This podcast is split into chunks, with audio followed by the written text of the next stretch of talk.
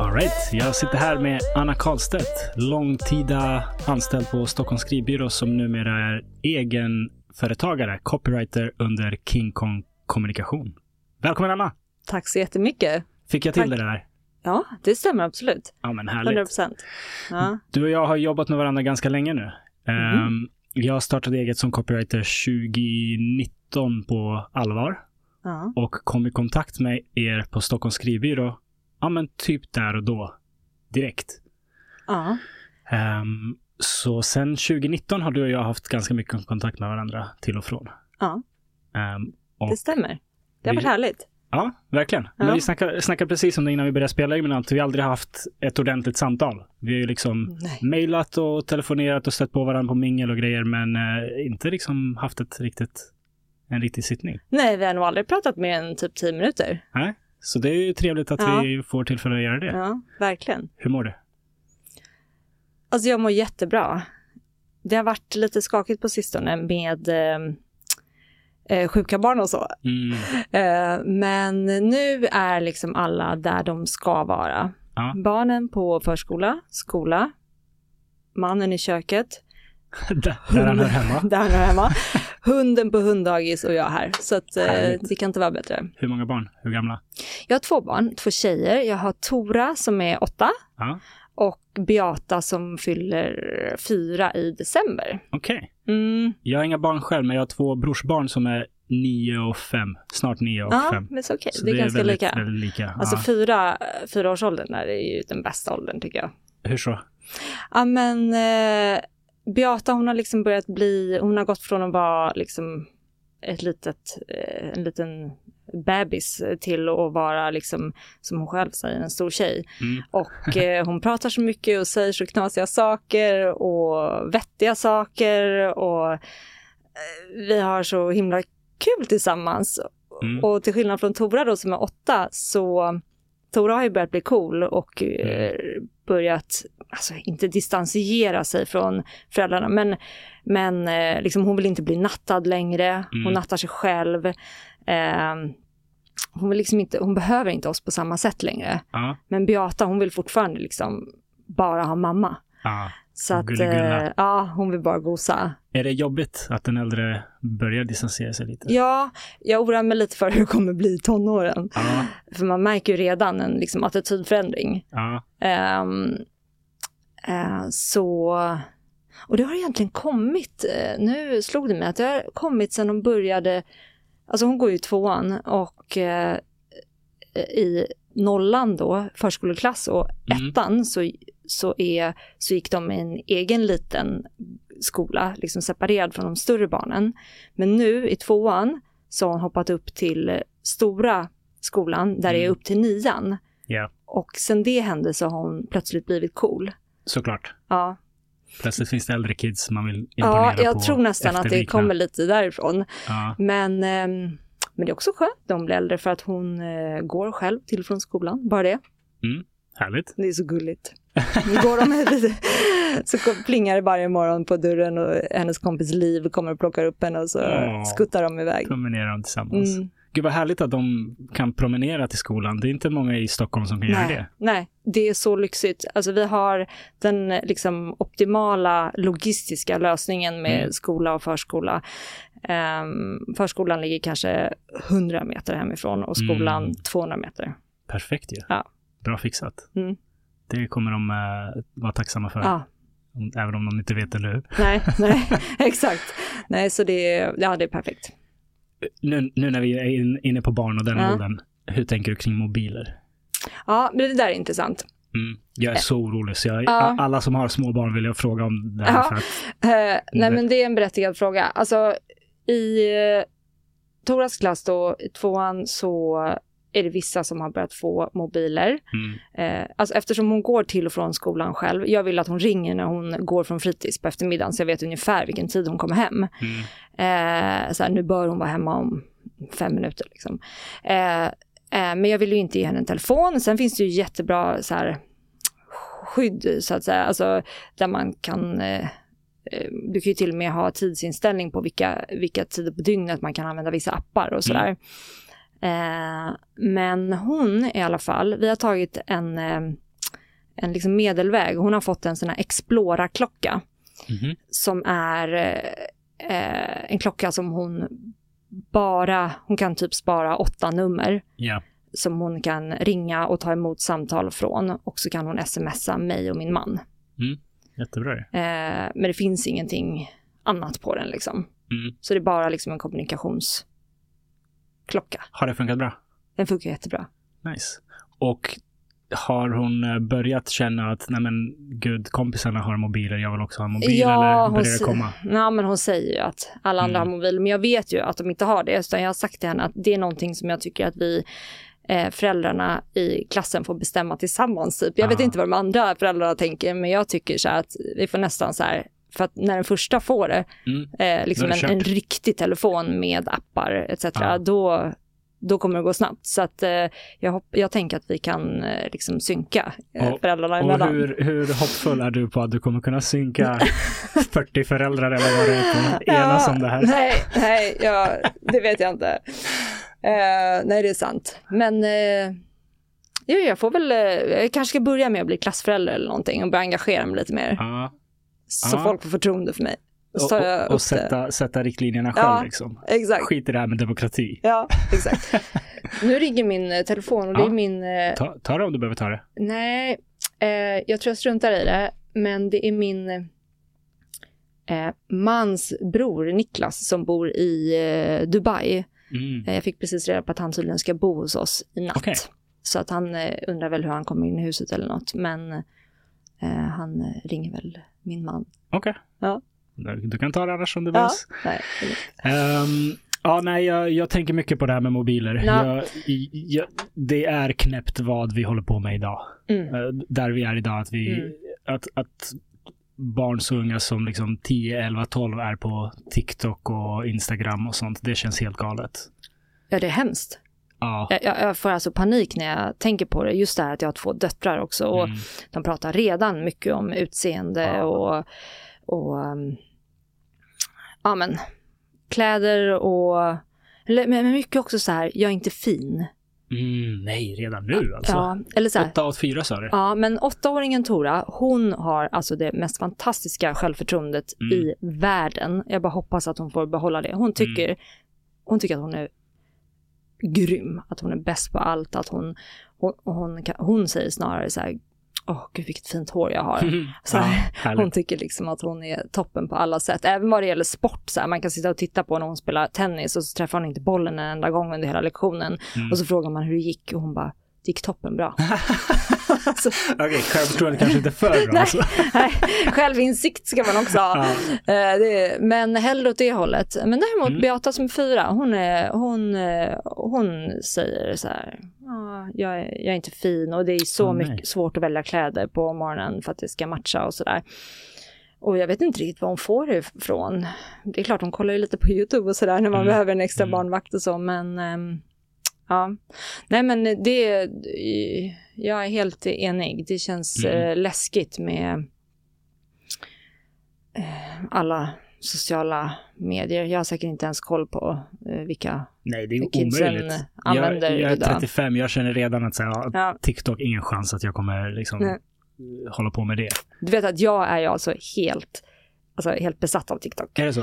Eh, jag, I början så la jag upp lite grejer, men sen, och, eh, s- men det var typ fem inlägg och sen fick jag prestationsångest. Okej. Så, att jag, så jag, jag klarade inte av det längre. Men, eh, men det var ju fascinerande för att jag fick ju jättemycket eh, likes och kommentarer från folk som jag inte har någon aning om vilka, Mm. vilka det är. Det får sån Mm. enorm spridning. Det är så de hookar fast det. Ja, Ja. Men, men så nu, nu bara scrollar jag, men jag kan säga att jag, jag vet inte hur jag klarade mig utan TikTok. Alltså Ja.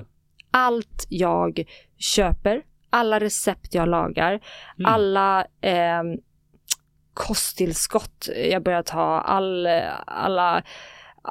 hur jag tränar, Mm. hur jag äter.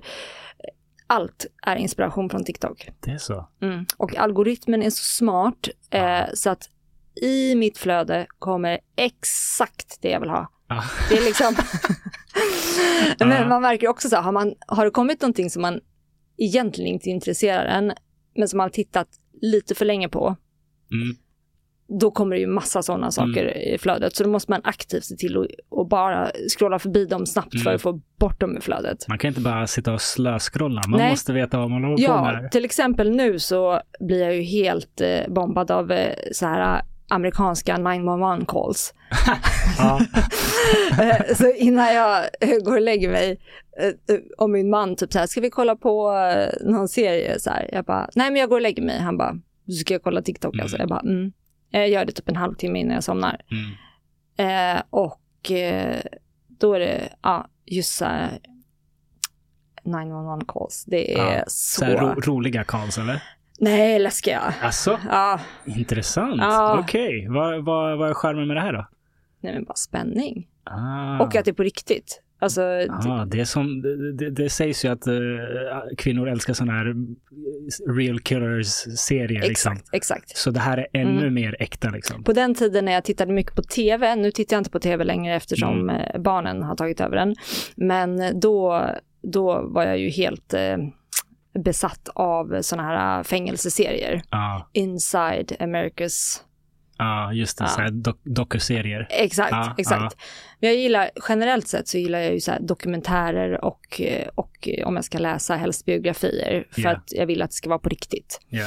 Eh, men och det är väl det som är det härliga med TikTok eh, och sådana där samtal till polisen. Om, om du ska psykoanalysera dig själv här, varför är det här så intressant med äkta läskiga 911 calls? Eh, ja, det är väl att eh, kan det vara en kombination av att ja, men bara få lite spänning i vardagen och Mm. typ njutningen av att det inte är jag som ringer.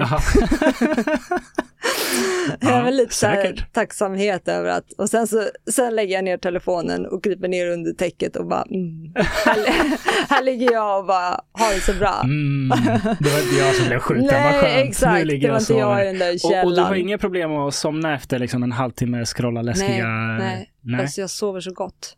Intressant. Sover så gott. Jag, för jag, jag är ju då, jag tycker ju att det är, jag är väldigt intresserad av eh, liksom biohacking och Mm. longevity och så. Och ehm, så det här med att ha liksom, vad säger man, blue light eller Mm. precis innan eh, läggdags. Jag vet ju hur dåligt det är och det går liksom inte egentligen riktigt ihop med min övriga livsstil. Eh, Mm. Men eh, eftersom jag inte blir påverkad av det, Mm. utan jag sover jättegott, så tänker jag att det spelar ingen roll. Ja, men då så. Så länge det funkar så. Men det Mm. finns ju sån där nattläge på mobilen också. Kör du det åtminstone, eller? På Alltså, skärmen? det här gula ljuset. Ja, precis. Eh, nej, men jag gör inte det. Det borde jag ju Nej. verkligen göra. Jag brukar köra det.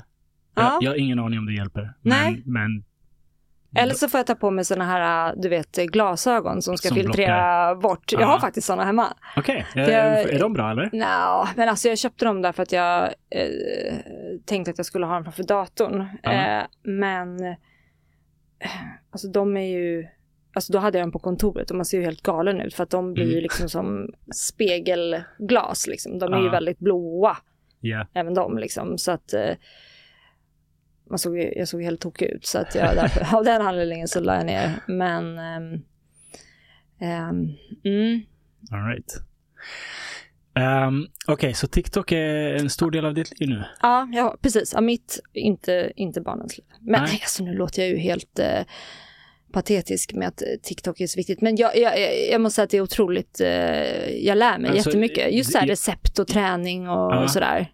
Jag, jag tycker inte det är patetiskt alls, för det är, det är just därför jag håller mig borta från TikTok, Ja. för att jag vet Ja. att det är så bra. Ja. Om det är något jag har lärt mig i livet så är det att du ska inte vara rädd för sakerna som är dåliga. Nej. Du ska vara rädd för sakerna som är bra, som du gillar. Det är där, det är där, det är där ja, kommer det, är- falla det är där om, om du faran är försiktig. finns.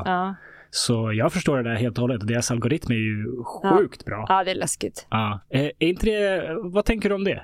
Att den liksom känner dig så väl.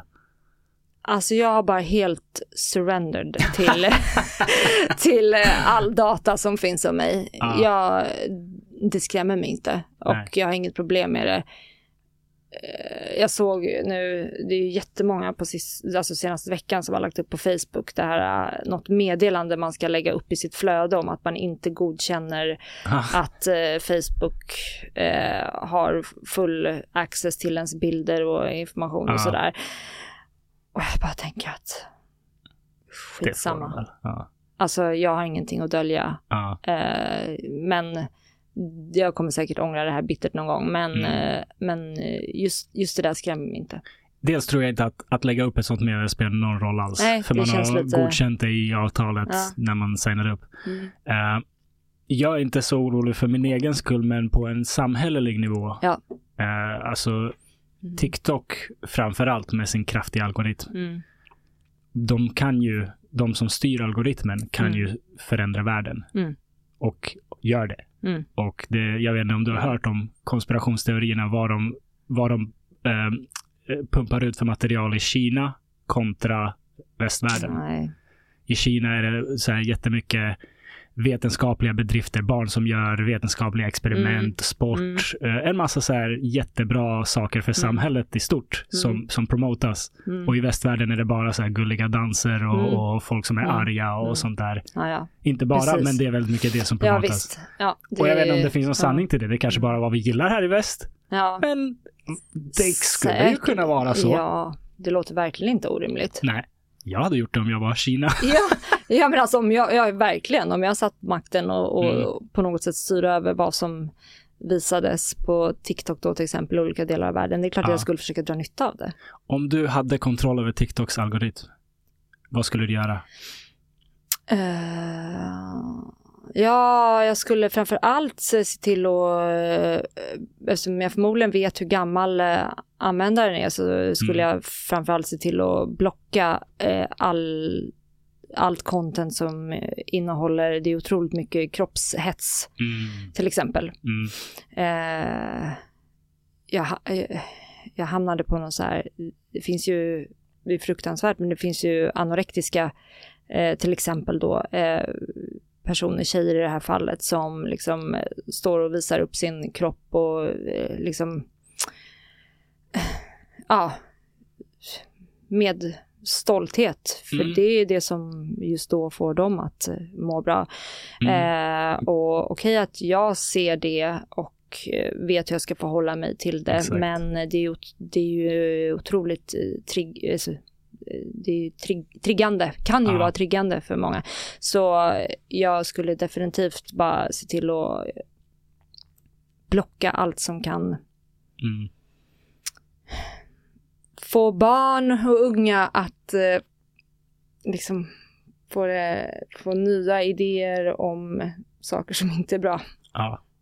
Jag, jag för mig att YouTube gjorde en stor rensning för några år sedan Ja. just kring det där att det var en massa vad ska man säga, anorexia-influencers Mm. som liksom påverkade Mm. folk till att Mm. det här är coolt. Mm. Det, det känns helt galet. Ja, hur ska man skydda sina barn från allt det Ja. här? Nej, men vi, Det- vi är inte gjorda för det här. Nej. Det, här är, det är helt orimligt att vi som är ett djur som är gjort för att leva i liksom stammar på max Mm. 150 pers Mm. plötsligt har åtkomst till allt Mm. i hela världen. Allt. Och Mm. vi, vi, vi är så naiva att vi tänker att ja, men barn kan säkert hantera det här. Mm. Vi ger barn TikTok. Mm. Det är inte rimligt. Nej. Det, vuxna kan inte hantera det här. Nej, det är så lätt att resonera så här att eh, ja, men det här är ju en del, det här, Mm. det här är ju den här generationen. Mm. De är vana vid den här typ av informations, liksom, hanteringen. Mm. Nej. Men eh, till viss del, ja, de är mer vana vid det digitala, men deras hjärnor är ju utformade som våra Mm.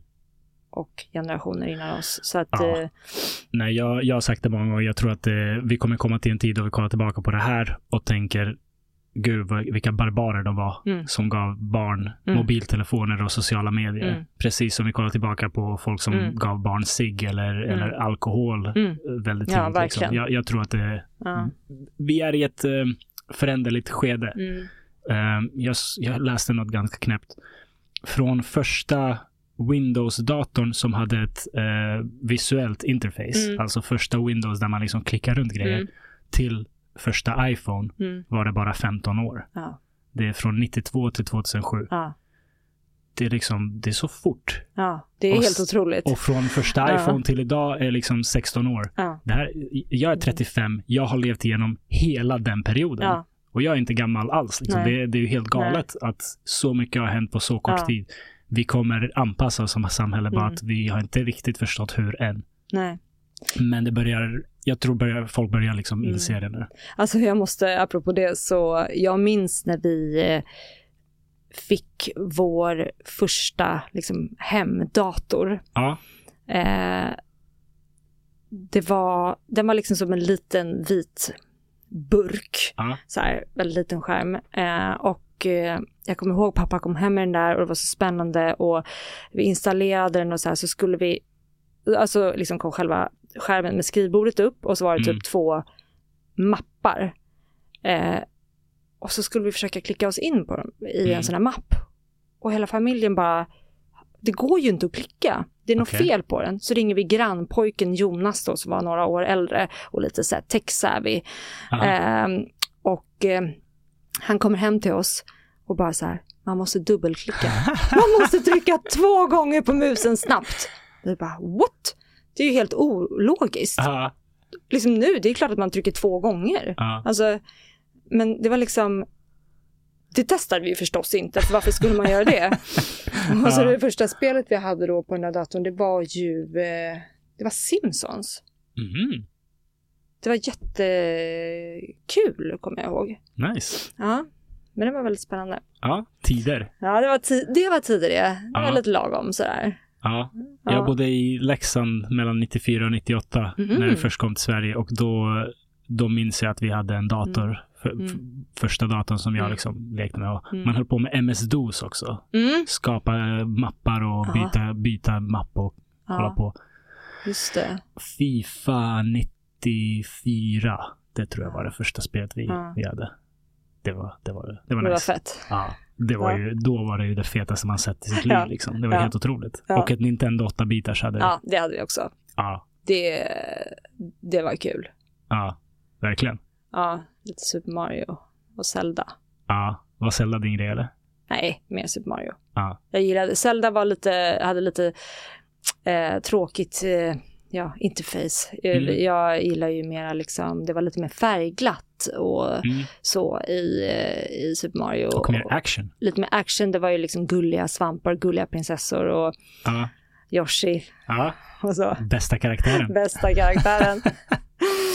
ja, nej, Ja. men så det var, ja, och även i samma veva så fick vi ju fax.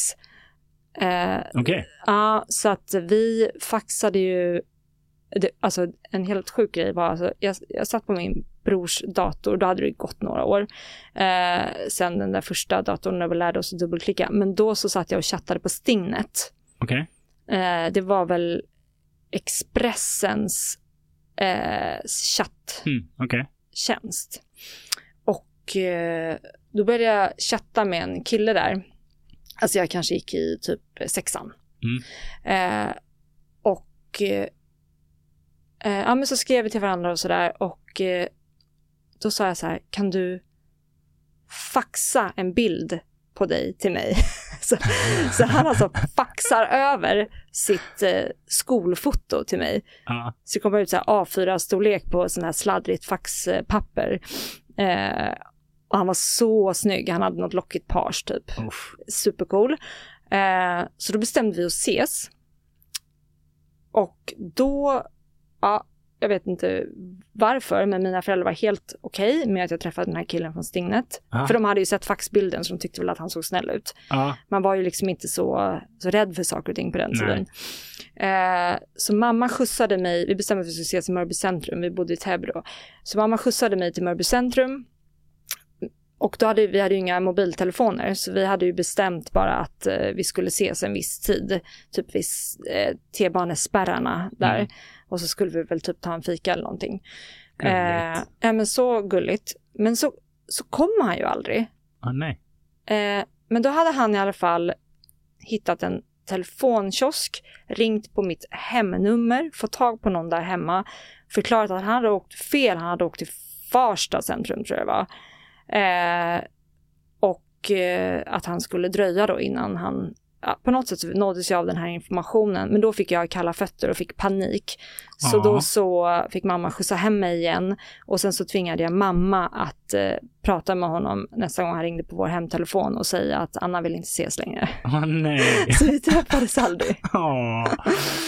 Liksom, det var ju sånt man höll på med. Telefonkiosker, telefonkort, alltså Ja. Nej, det, var, det känns det så ju... oskyldigt nu när man ser tillbaka Ja, på det. verkligen. Allting, verkligen. precis som vi säger, så här, vad gulligt. Ja, Ja, men då var det action alltså. Det var inte gulligt på något sätt. det, var, det, var, det låter som att det var lite läskigt också. Mm, Ja. ja. Jag förstår att man kan få kalla fötter i den situationen. Men, Ja, ja, det var en dålig idé från början. Äh, vem vet? Vem vet? Ja, Uh, kanske var tänk, han och tänk vilken jag, annan livsbana det hade kunnat han och jag bli. kanske hade Mm. Haft två andra barn. Visst vore det intressant att kunna så här, Ja. bara, bara få se en, en film i, Hur det hade i huvudet bli. bara, så här, Mm. hur det hade kunnat bli Mm. om du inte hade gått Mm. hem. Liksom. Mm. Så intressant. Ehm, ja, nej, kommunikation är ju lite enklare idag. Ändå. Ja, Eh, det ja, är det ju. ja. Men det fanns en charm i det där också. Att ja, men vi ses klockan tre. Ja. Men gud vad man väntade. Vad mycket Ja. tid man la på att vänta. Ja. Och man hade inte liksom eh, sin smartphone och kunde göra tusen grejer medan man väntade heller. Nej, man bara stod där. Fan vilket bra tålamod folk hade. Ja. Ja. Verkligen. Nu går det ju inte. Nu, nu har man en så här halv minut med ingenting och man måste ta fram telefonen. Mm. Det är inte, det är inte bra heller. Hur mycket skärmtid har du per dag? Ja, Jag försöker vara ganska återhållsammare. Mm. Jag har lagt en begränsning på Instagram.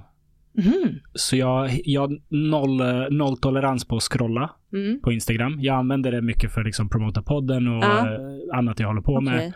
Eh, Men jag har noll tolerans på att scrolla reels.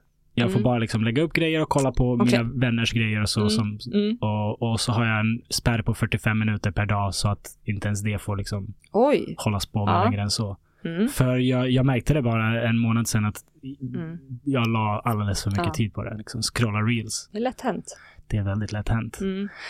Så nej, jag försöker hålla mig borta från, Ja. från telefonen. Men det blir mycket, för mig är WhatsApp den, den som används Mm. mest. Jag skriver väldigt mycket med folk. Ja, WhatsApp är bra. Det är skitbra. Mm. Det, det, det är tråkigt att det är så här Meta som äger det. Och Ja, man bara, det är fan, synd." Fan, Ja, ska ni ha det här också? ja, Kom igen. verkligen. Men ja, kommunikation nu, det, det är Ja. löjligt. Jag minns Mm. när jag i eh, 2011 pluggade i Australien. Mm. Och då, ja, men då hade ju smartphones börjat etableras. Mm. Och jag ringde min vän i Sverige på Viber. Mm. Som hade liksom internetsamtal innan WhatsApp hade det. Ja, just det. Och jag minns att det var så här, wow. Alltså Ja. jag pratar i realtid med min kompis i Stockholm från Australien. Ja. Och det kostar mig ingenting. Data Nej. såklart kostar ju, Ja. men, men det är del av det man betalar för Ja. mobilen. Ja. Det var, ja, det var 2011. Jag Ja. minns hur, hur förbluffande det här var för mig. Mm. Ehm, nu, du vet, man tar ju det för givet. Det är väl klart man kan prata med vem som helst i hela världen. När som Ja, helst. gud ja. Video, inga problem. Nej. Alltså det är det är galet. Ja, Det är helt galet. Det är magi. det är magi. Ja. Jag, alltså jag, jag eh, facetimar ju väldigt mycket. Ja. Eh, men framförallt så här med eh, min eh, pappa och med mina svärföräldrar, alltså, de man inte träffar så ofta. Mm. Ska jag ringa ett samtal, då ringer jag på Facetime. Mm. För jag tänker, vi kan ju lika gärna se varandra, Ja. så blir det liksom en nivå till av det här samtalet. Ja. Eh, så det, det är jag så himla tacksam för. Mm. Ja, det är fenomenalt. Mm. Det är fenomenalt. Det, det, är, det är så lätt att ta saker och ting för givet. Mm. Man blir liksom irriterad när internet inte funkar i tre sekunder medan man åker så här i 100 kilometer i timmen på tunnelbana 100 meter Ja, under marken. Ja, du ska veta hur irriterade irriterad. barnen blir. Vi körde upp till Ah. fjällen eh, på eh, novemberlovet nu då. Eh, till, vi skulle köra upp till Tändalen och det är ju eh, åtta timmar i bilen Mm. liksom. Tora stackarn, hon mår illa om hon kollar på, eh, på telefon eller läser så hon bara sitter och stirrar rakt fram i åtta timmar. Men Beata som är fyra då, hon sitter knäpptyst med mobilen och kollar på YouTube Mm, konstant. Och så får det vara när vi åker långt liksom. mm, Men eh, då när man kör genom skogarna, när man eh, kommer längre norrut och det inte finns något internet Ja. och hennes YouTube bara börjar börjar lagga och börjar snurra liksom. Ja. Hon, hon blir alltså helt vansinnig. Ja. Hon, har, och hon har alltså inget tålamod. Hon är, är så, så van vid att få se hela tiden. Ja. Och sen så har hon heller inte, hon kollar liksom inte på en hel video, utan hon bara klickar, hon bara byter hela tiden. För hon har inget tålamod Mm. att kolla klart på en, Mm. eh, på en, eh, på ett klipp heller. Så det är ju lite skrämmande. Men, Behöver, du ta ett samtal eller? nej jag ska bara se här vem det är som, eh, eh, På, på tal om eh, precis det vi pratar om va? Mm. Ex exakt. Apropå det så bytte, eh, eftersom jag då har slutat på Stockholms skrivbyrå och Ja. startat eget så skulle, skulle jag överföra det Tele2-abonnemanget till mitt, till mitt bolag från skrivbyrån till Ja. King Kong Kommunikation. Och eh, så fick jag ett sms idag utan förvarning, bara så här, nu kommer överföringen ske, Okej. eh, så ja, ditt abonnemang kommer inte funka på en timme. Och sen får du sätta i ett nytt simkort som Oj. vi har skickat hem till dig. Som tur var så hittade jag det där simkortet. Men så jag var utan telefon en timme idag, förstår du? Wow. Jag bara, Hur, hur överlevde du? ja, jag tog en snabb screenshot på det smset från Tele2 och skickade ut till de jag har arbetsrelationer med. Bara så. Och sen så stängdes det ner. Ja. Eh, men det var ju liksom en timme, det är ju jättelänge. alltså, Jättelänge. men så skulle jag parkera bilen för jag var med eh, Beata Lilland och hennes trumhinna har spruckit så vi var, Mm. skulle till, eh, då. till sjukhuset och följa upp det och då kunde jag inte ens betala parkeringen för det fanns bara appbetalning och jag hade inget internet, eller det funkade ju ingenting Ja. på telefonen funkade. Var ju Ja, nu, nu är man ju lite välkörd utan mobil. Mm. Det, det är inte Mm. bra. Vi, vi är så beroende av det. Ja. Men du, jag måste fråga dig en sak, apropå Ja. Australien. Ja. Eh, jag har alltså precis bokat en ensamresa tio dagar till Sydney i februari. Hej. Härligt. Jättehärligt. Men eh, hur brutal är flygningen? Oj, äh, ganska brutal. Ja. Kan du sova på flyg? Alltså nu, det var så länge sedan jag reste långt utan barn. Mm. Så jag tänker att därför kommer det vara piece of cake. Liksom. så här, jag är Mm, bara mig ja, själv. Det kan jag i och för sig tänka mig. Eh, alltså det hade kunnat varit hundra gånger värre. Men eh, så jag tänker att jag kommer ha det supergött. Ja. Men eh, min pappa när han hörde att jag hade bokat det, han bara du är galen. Aha. Man kan inte, alltså man åker inte dit frivilligt. Men eh, det ska jag göra. Jag ska flyga via Dubai med Mm. Emirates. Alltså, om man kan sova på flyg så är Ja. det ju fine. Jag kan inte sova på flyg. Nej. Det är stört omöjligt. Så Ja. jag är vaken i så Ja. 40-50 timmar Mm. när jag reser så långt. Mm. Ja. Ehm, Åh, då, är det, så- då är det jobbigt. Jag är så beroende av min skönhetssömn. Hur ska detta gå? alltså, och så jetlagen när man väl kommer fram. Men jetlag, för mig har det aldrig varit ett problem. Om man, om man bara krigar sig igenom tills det är rimlig läggdags. Ja. Jag vet inte, det, Mm. det har alltid funkat för mig i alla fall. Mm. Man bara, Mm. mitt, mitt problem är inte att hålla mig vaken. Det är jag jättebra på. Ja. Eh, att sova är Mm. mitt stora problem. Ja, Så, så jag bara jag håller mig vaken tills det är rimligt att lägga sig Mm. och, och sen vaknar nästa dag, ingen Mm. jetlag. Nej. Mm. Men jag landar typ 22 på kvällen. Så Karo som jag ska hälsa på som Mm. eh, bor där. Hon sa att det är perfekt att komma så på kvällen för då Mm. och liksom gå och lägga, lägga sig, och- direkt. Ja, det Så. låter ju rimligt. Ja. Jag fixar det. Mm, det ska bli så jäkla nice. Ja, sitta och kolla på film och götta dig. Det är In, sånt inte man ha en kan- massa ungar man behöver ta hand om. Nej, alltså det är sånt man kan göra när man har eget bolag. Mm. Det, alltså den här idén kom vi på när vi eh, ehm, whatsappade med varandra och jag berättade att jag hade sagt upp mig och skulle starta eget. Så hon bara, men gud vad bra, då kan, kan du ju sitta här Mm. i Sydney och jobba. Jag bara, ja, Det kan jag faktiskt. ja det kan jag faktiskt. Men jag bara, haha, det kommer Fredrik, min man då, eh, inte Ja, eller tillåta, men han kommer inte tycka att det är en bra idé. ja. För man vill ju inte vara ensam med barnen. Nej, det, är- det, är, Ja. det är mycket jobb där också. Det är så jobbigt. Plus hunden, det är det som är det största Ja. problemet. Att man ska gå ut med hunden och Beata är för liten för att vara ensam hemma. Just det. Och man kan inte gå ut med hunden med henne. Ja, så. Ehm, men hur som helst, så, så jag sa till Fredrik så här, det var inte ens en fråga utan jag bara, haha, Ka- Karo tyckte jag skulle komma och hälsa på men det, ju- Ja. ja, det ska jag såklart inte göra. Så. Ja, Han bara, självklart ska du göra det. Åk. härligt. Han bara, jag har varit i Australien, jag har inget behov av att åka dit igen, det är någonting man måste se. Mm. Eh, jag tar hand om barnen, inga problem. Eh, liksom, åk, njut. Härligt. Ja. Vad snällt av Fredrik. Ja, verkligen. Och sen så, innan jag bokade så ringde jag faktiskt hans mamma som bor i Halmstad och är en riktig superfarmor. Eh, och frågade om det skulle kunna vara möjligt att hon kom upp till Stockholm och Mm. hjälpte honom de dagarna. Och det kan hon. Ja, så. Så nu är det verkligen, Perfekt. Du kan perfekt. koppla av och Mm. njuta i Australien. Ja, ja, jag kommer inte ha dåligt samvete. Nej, skönt. Februari, Ja. då är det också fortfarande väldigt varmt och skönt där Ja, borta. men jag har förstått att det är perfekt timing att åka. Jag tror det. Eh, Mm. jag pluggade i Adelaide i Australien Mm. från, eh, ja men typ från februari till juni eller vad det nu är Mm. terminen var. Någonting sånt. Ehm, ja, det var härligt. Det var härligt. Ja. Och jag var i Sydney en liten kortis. Ja. Och det är väldigt vackert, väldigt mycket vatten. Mm. På, påminner lite om Stockholm på det sättet Mm. att överallt kan man se liksom vattendrag. Mm. De bor Eh. på, eh, i eller på vad man nu säger, Manly. Den här lilla halvön som Ingen går ut. Nej, men jag har heller ingen aning. Men det är tydligen Härligt. jättevackert. Ja. Ehm, nu har vi varit inne och nosat på det här. Mm. Du, du var jobba, jobbade som copywriter och produktionsledare länge Mm. på Stockholms Mm. skrivbyrå. Mm. Sex, sju år? Sex år blev det. Sex ja. år. Ja. Eh, och nu är du egen företagare inom copywriting. Så nu, ja. nu har du liksom varit på båda sidor av bordet. ja. Hur känns det? Eh, båda sidorna känns jättebra kan jag Ja. säga. Eh, jag kan börja med att Väldigt säga bra att... eh, politiskt, diplomatiskt svar. Snyggt, snyggt. Ja, tack. Jag vågar inte säga något annat. Nej, men alltså Stockholms skrivbyrå är ju, eh, um, eh, om inte världens, i alla fall eh, Sveriges bästa arbetsgivare. Mm. Eh, jag har ju trivts så otroligt bra där och har lärt mig så galet mycket och det är fantastiska kollegor och alla man har att göra med är, är smarta, och snabba och snälla. Mm. Eh, och eh, jag, jag, liksom, jag skulle kunna sitta där hela livet.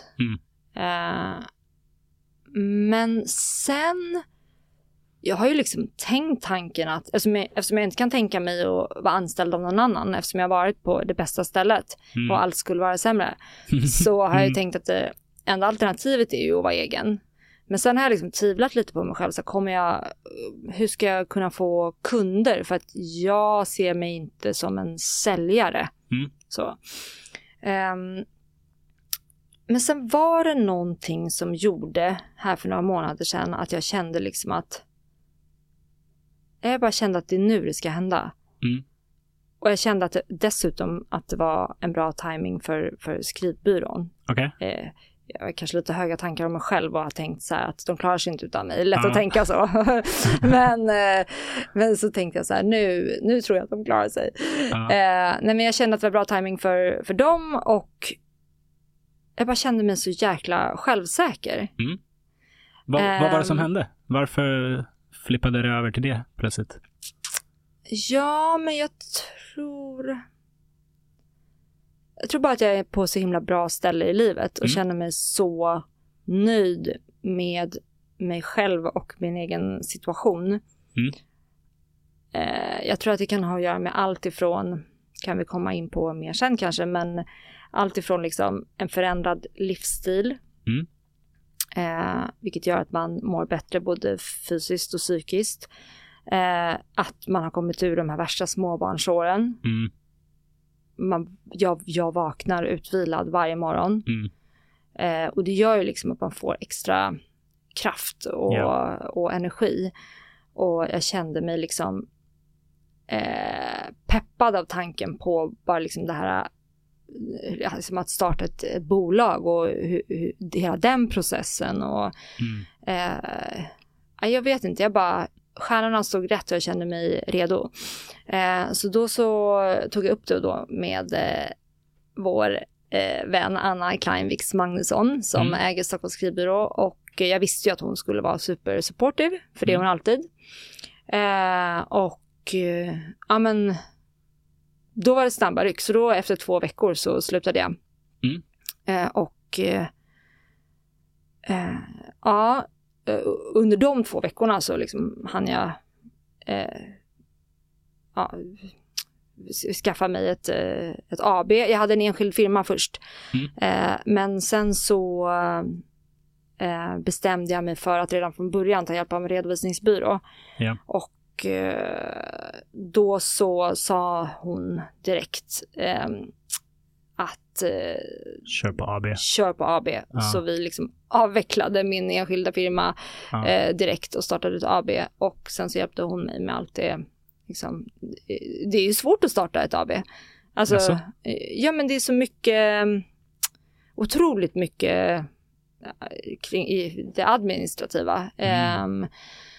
Och särskilt om du ska ha en redovisningsbyrå så måste du ju, liksom, ja, men bara det här med att anmäla, eh, att eh, alltså ge fullmakt till dem, att Ja, de kan sköta min ekonomi och sådär.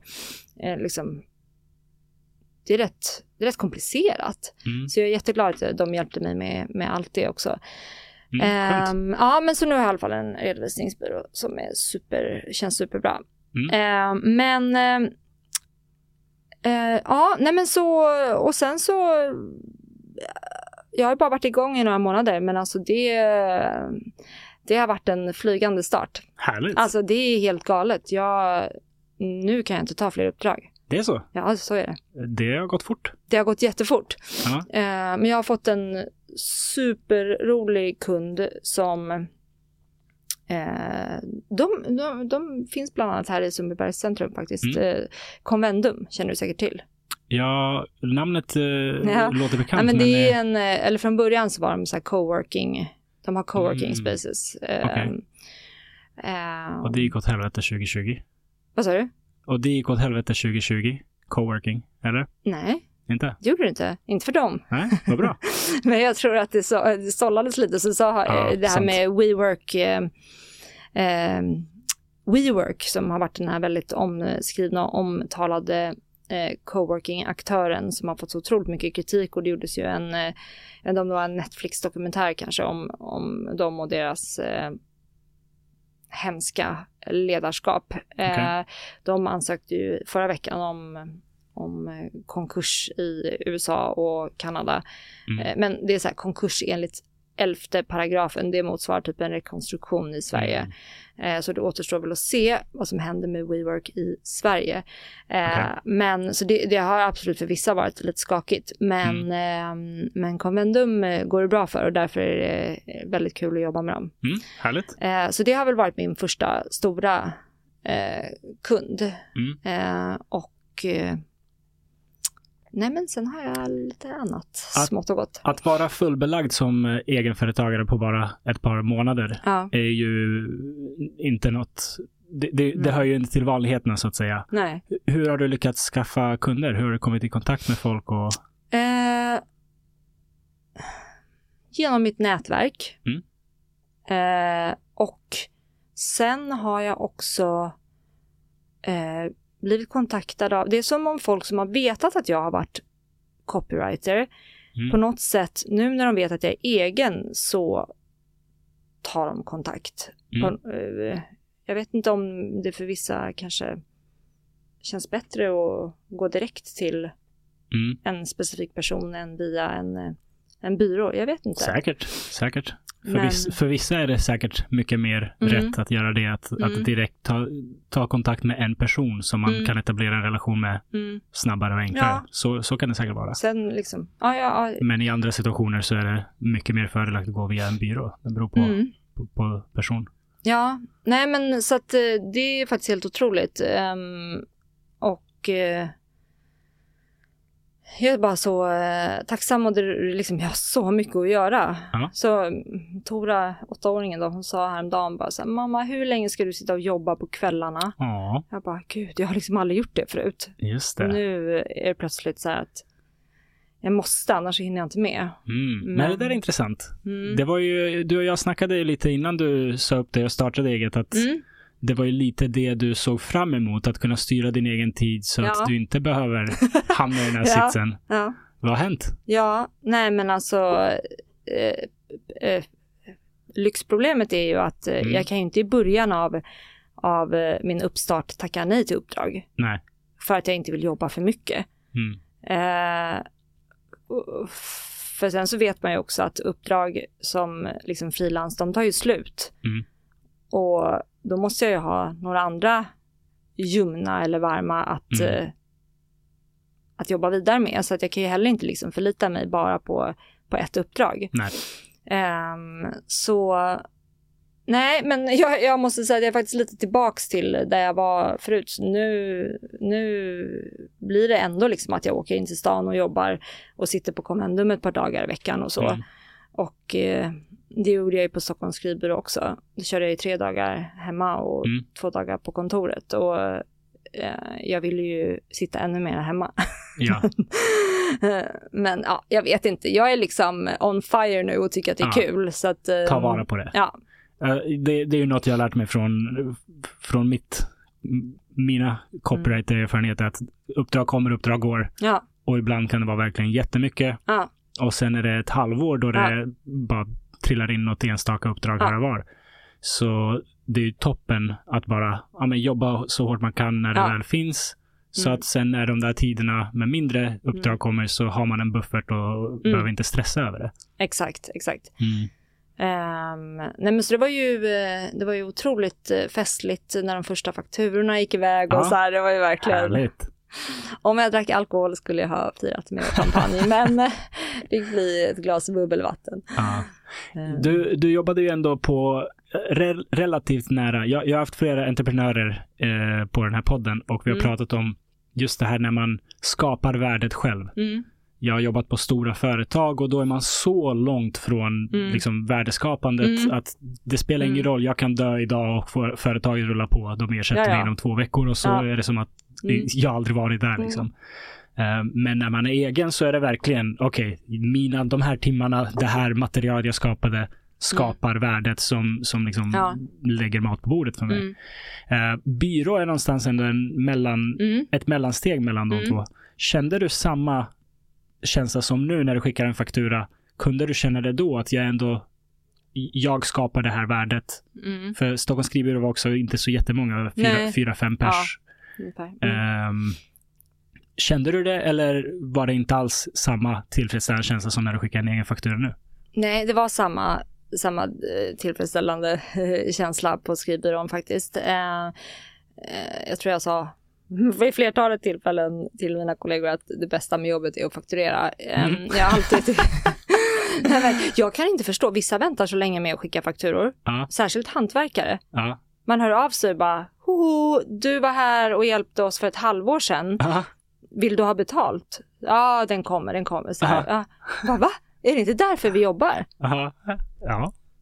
De flesta av oss. Ja, alltså jag kan inte förstå folk som inte gör, eh, det, är- det är det bästa Ja, med, med jobbet. Och så var det på, på byrån också tycker jag. Men det är klart att det är en helt annan sak nu ändå. Så, men jag har ju märkt att nu är jag ju mycket mer besatt av att liksom eh, räkna, eh, liksom, man blir lite mer girig sådär Mm. liksom när det är, liksom, när varenda timme spelar roll för hur, vad jag faktiskt får på plånboken i slutet av månaden. mm. Ehm, så man blir liksom mer petig med sin tid på något Ja. sätt. Och så, så har det också varit så här lite nu i början, man vill visa sig för kunderna att man är oumbärlig, så man har bjussat Ja. på lite tid sådär.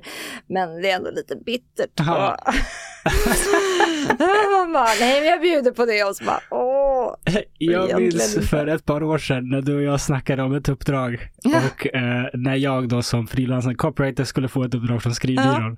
Och jag minns att du sa, ja men du brukar ju alltid vilja ha lite mer än vad vi vill ge. Och jag bara, ja, Ja men du är så dyr. det är exakt så det funkar. Ja. Och nu, Ja, men- ja, ja. känner du igen det nu, kanske. nu förstår jag. Man bara, men den där 50-lappen i timmen, timmen Ja. liksom, det spelar roll. Det gör ju det. Liksom. Det gör ju det. Ja, Och, och det är ju, jag är ju tacksam för, för de liksom, eh, eh, diskussionerna vi har haft och, Ja. och, och liksom förhandlingarna. För att eh, jag är glad att ha gått igenom det med någon som jag har en god relation med. ja, Både du Mm. och, och Anna, andra Anna har jag Ja. liksom diskuterat med och, Ja. och det har varit lite så här, men jag, jag, tycker jag är värd det här. Det här måste vi kunna prata om.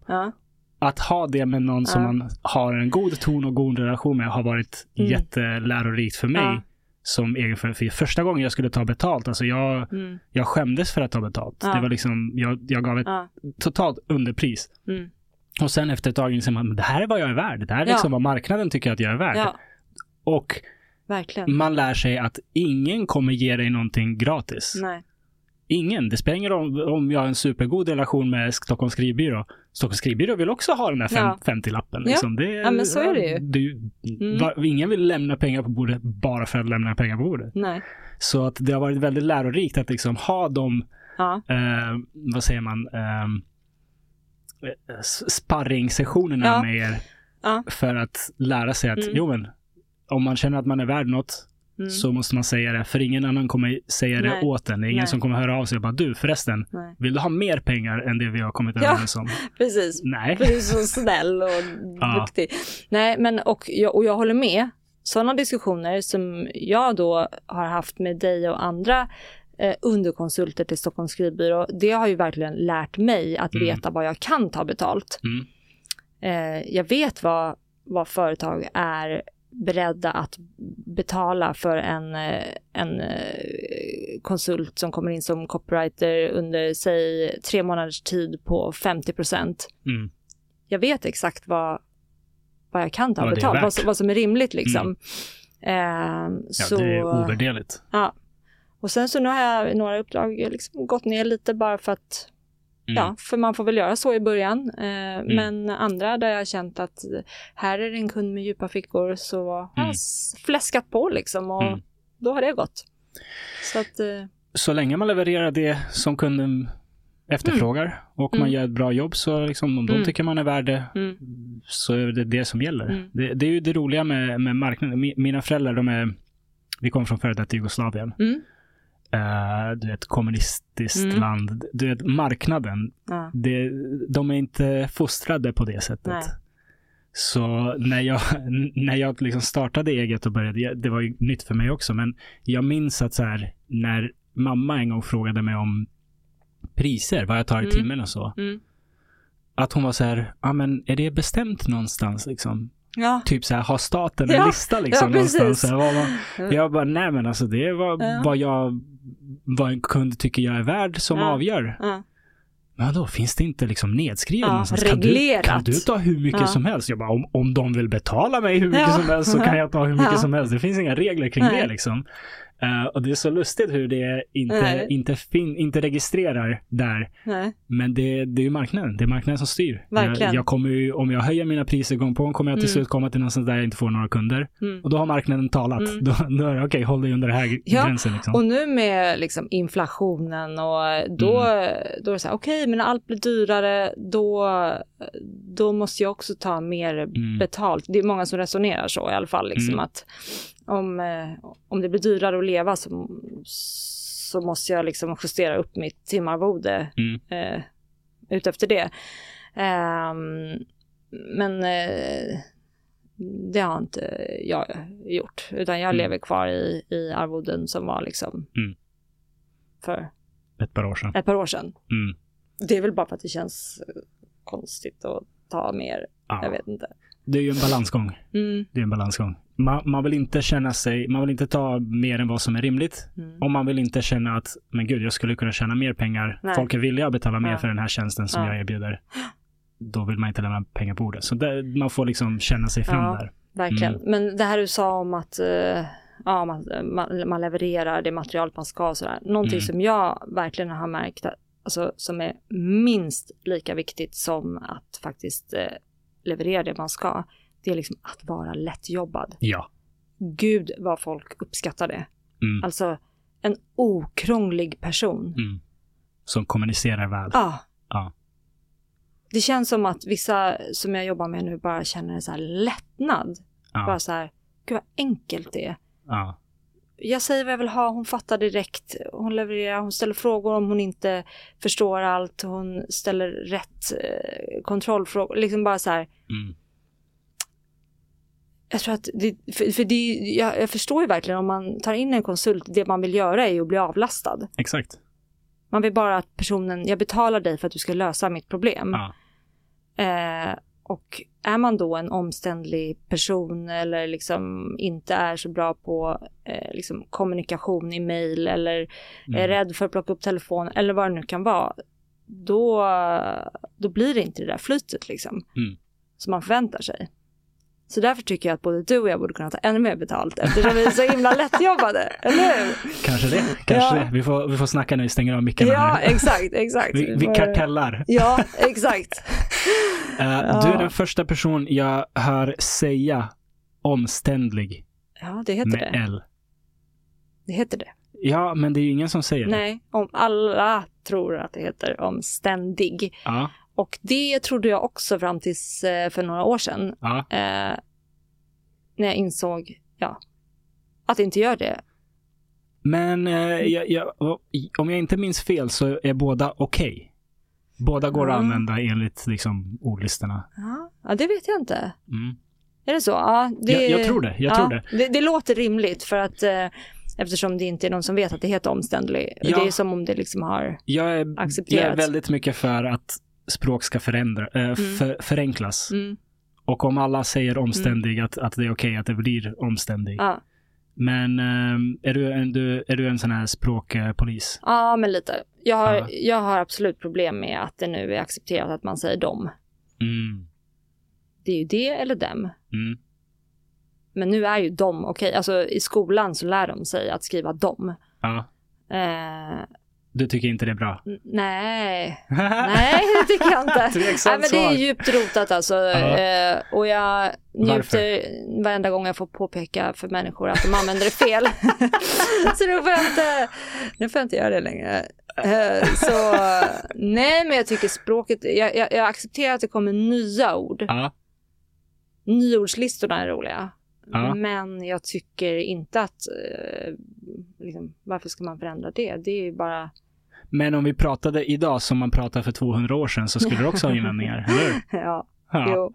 Ja, ja, men eh, nu är det så som jag, pratar jag, som är det Jag tycker sättet. om att de blir en grej. Jag, jag är själv inte där Mm. än. Jag använder det och dem och, Ja. och är ganska nitisk Mm. med det. Men det, det ställer till med så mycket bekymmer för folk.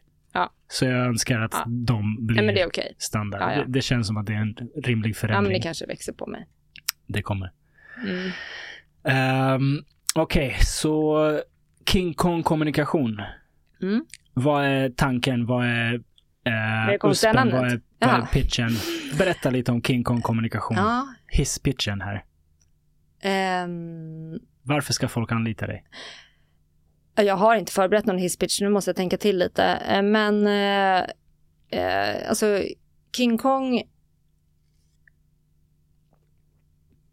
är, men jag, jag skulle vilja säga att jag gör, jag gör content som, nu låter det floskligt, men Nej, som nu, skapar... nu, nu, får vi, nu gör vi om det här. Och så tar du det där självförtroendet som du hade när du gick in i, i, i att starta eget. Kör ja. Nej men eh, jag, Ki- King Kong, alltså jag, eh, eh, gör värdeskapande content som engagerar och driver affärer. Där har vi det. Där har vi det. Du, du är bra på det här. Ja. Du ska liksom våga säga att du är bra på det här, för du är bra Ja. på det här. Jag skriver inte en text bara för att skriva en text, utan texten är jävligt bra och har ett syfte och eh, bidrar till det det ska bidra Mm. till. Grymt. Och sen så tror jag, sen så tror jag också att eh, alltså jag är ju mycket mer än en copy. Eh, det var därför jag inte var så snabb där med hisspitchen, därför att Mm. eh, alltså vad nu kommer det låta skrytigt istället då, men du sa att jag skulle ja, ha det, självförtroende. det, är det jag vill höra. Eh, nej men alltså innan jag började som copy så eh, jobbade jag ju 10-12 år som eh, alltså marknads, eh, började ju som förstås som liksom marknadskommunikatör och Mm. eh, men var ju under många år marknadschef på stora bolag. Mm. Eh, och ehm, men jag upptäckte ju då att jag tyckte inte att det var liksom tillräckligt tillfredsställande att eh, liksom, alltså makten som att sitta med i en ledningsgrupp och ha, ha, eh, ha ansvar och ha personer under mig som jag ska arbetsleda. Det var liksom inte det jag gick igång på. Mm. När jag hade haft det i några år så blev det tråkigt, utan det jag eh, som verkligen ger mig eh, liksom satisfaction när jag jobbar, det är att eh, skriva. Mm. Så då tog jag en, gick jag en intensivkurs i digital copywriting på Bergs och sen så blev jag anställd på skrivbyrån och har varit där fram tills att jag startade eget. Men jag märker ju att det är så sjukt mycket värt att jag har alla de här åren Mm. bakom mig. Att jag inte bara utbildad i att skriva, Mm. utan jag har liksom kunskap om, om hur, man, hur man driver en, en organisation, om, om lednings... eh, om hur man leder en grupp, om organisationsförändringar, om... Eh, om liksom HR, är utbildad personalvetare i, i grunden med Mm. Kandidat i organisationspsykologi. Ehm, så jag, liksom, jag märker ju att jag, jag har ju lätt att förstå kundens affär. Mm. Och jag tror att det är det som är det som gör mig liksom mest unik som copywriter. För, för det finns många som är duktiga på att skriva. Mm. Men jag tror att det är därför jag blir så okomplicerad. Ja. att jag fattar direkt vad de menar. Jag förstår vad de pratar om. Mm. Och det känner jag att det är värt så otroligt mycket även för mig själv då. Mm. För att jag... Eh, det är inte så lång startsträcka. Mm. Och jag förstår, det blir oftast rätt. Liksom. Det, eh, jag förstår vad de vill uppnå. Mm. Jag har själv kravställt gentemot byråer. Jag, jag liksom förstår hela kundsidan Ja. eh, och företagssidan. Så att eh, eh, jag tror att det är mycket värt för både mig och uppdragsgivarna. Så är det. Bra svar. Så är det. så att eh, jag, nu har jag faktiskt fått en förfrågan, eh, det är inte klart än så jag ska inte säga för vem det gäller, men Mm. eh, jag har gett ett, eh, ett erbjudande och de håller på och marinerar min Mm. offert. Men eh, det är att komma in som en ja, interimsmarknadschef på ett eh, Mm. bolag. Nice. Eh, mitt förslag var 50% under sex månader och se sen vad som händer. Ja. Men ehm, så nu har jag skaffat mig ännu mer jobb, men eh, eventuellt. Men, men det var liksom för att vi hade en dialog först om hur jag kunde hjälpa dem med content och sen Ja. förstod de att men gud, hon kan ju mycket mer än så. Mm. Eh, ja, och eh, de behöver liksom styrning Mm. av marknadsavdelningen och liksom just någon som kravställer, de har väldigt många byråer under sig. Ja. Eh, någon som kravställer och ser till, liksom, de bara vi marknadsför så mycket men det genererar inga affärer. Mm. Var går det fel? Och sen så förklarade jag det för dem, vad jag tror är fel. Och var Mm. då de bara okej, men Nice. Hon Hon, verkar- vet vad hon pratar om. ja, lite så. Akta dig så du inte råkar bli anställd nu då. Ja, nej det var jag väldigt tydlig Aha. med. De, alltså, nej gud. Eller jag vet inte, det beror på. Det beror på, men, nej, men det tror jag inte. Okej. Ja men vad kul. Kul att det går så bra. Ja, Ehm, ja det är kul. King Kong Kommunikation. Mm. Namnet. Vad, vad händer där?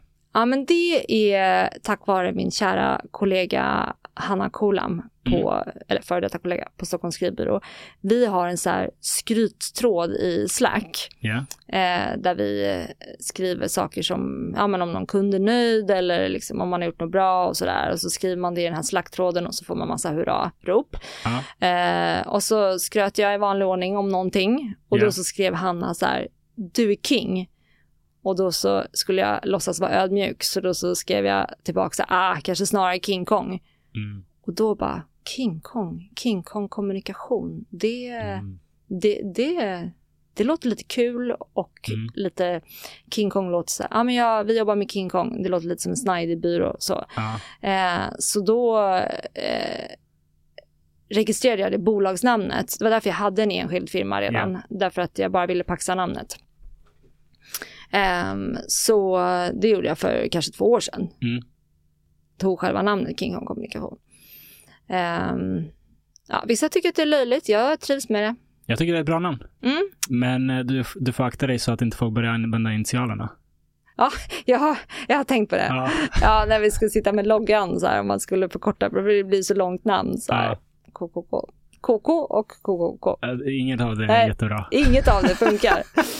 Nej, Eh, du, får, så, du får ha typ Kong eller någonting som Ja. förkortning bara. Ja, nej men jag har nu, min, min eh, webbadress och mailadress är kingkongcom.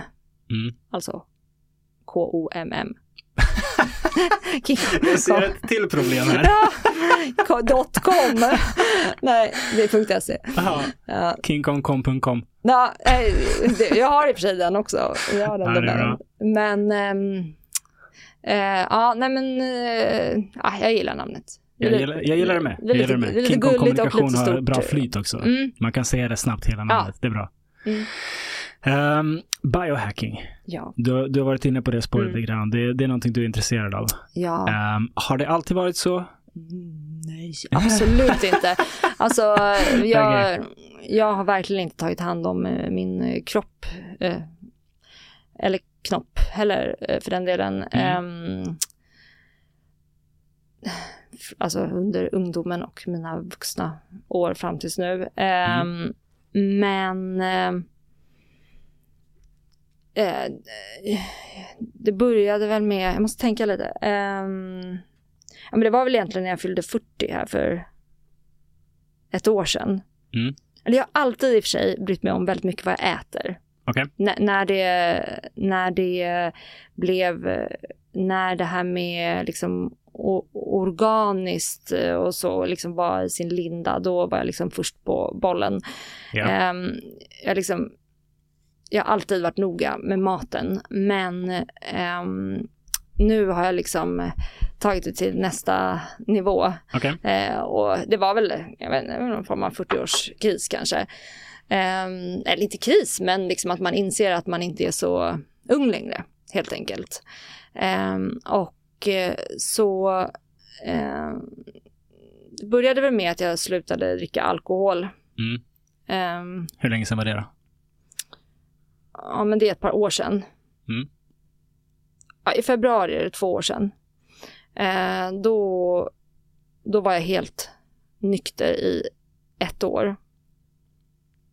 Ehm, sen tänkte jag så här, nu har jag klarat av att vara nykter i ett år. Eller klarat av, för det är ju verkligen inte lätt. Mm. Eh, vi, det är säkert alltså, samhället är stort men också säkert olika mellan så här, kompisgäng och sociala kretsar. Mm. Men eh, de jag umgås med så är det väldigt mycket fokus på alkohol. Ja. Eh, liksom en söndag lunch, ja då ska det öppnas en flaska vin. Liksom, Mm. Hela tiden. Eh, så det var ett utmanande år eh, men jag har ju jag fick, alltså, jag har aldrig mått så bra i hela mitt liv Mm. förutom just nu då, eh, som jag gjorde under det året. Alltså att alltid vakna fräsch, utvilad, vara så här Mm. eh, clear-minded, bara så här krispig i hjärnan. Mm. Aldrig vara så här dimmig eller eh, liksom såsig, utan bara vara så skarp.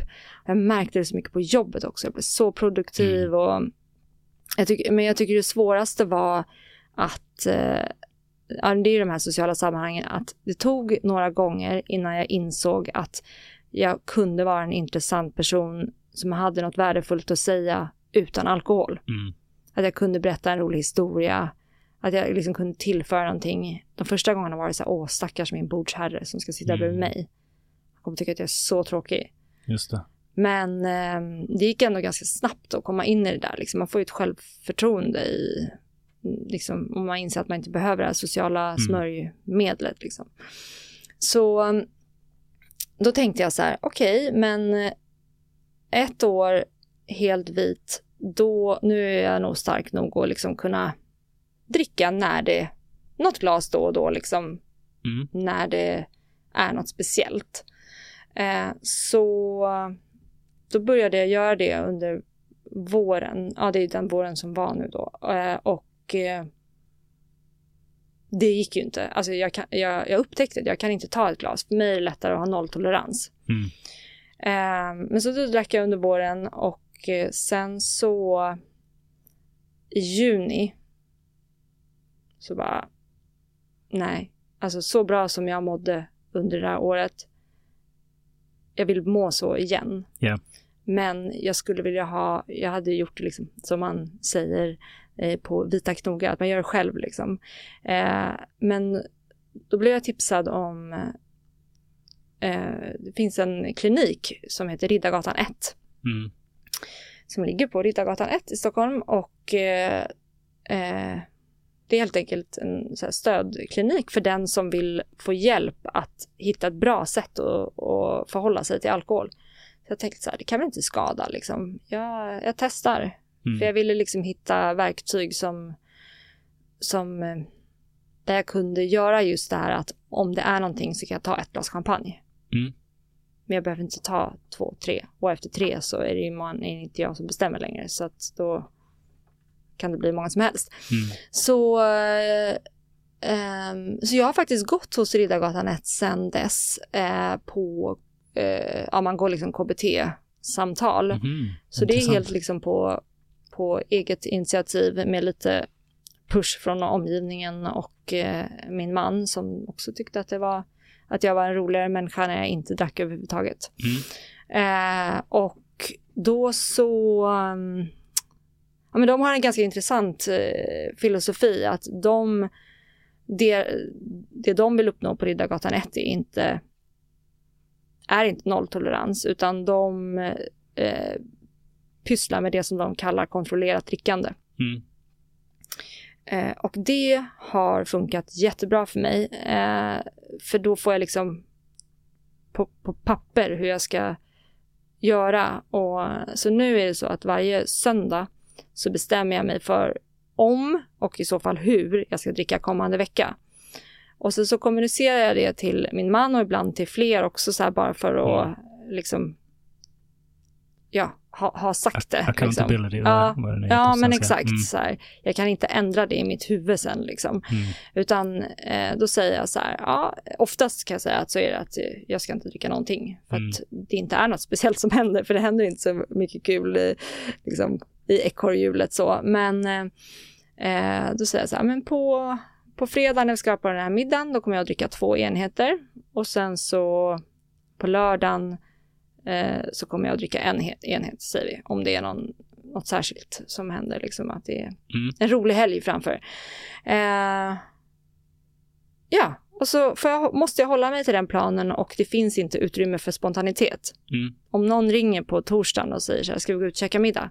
Ja, det kan vi göra, men tyvärr så kan jag inte dricka, eller jag vill inte dricka för att det, inte, det ingår inte i veckans plan. Liksom. Mm.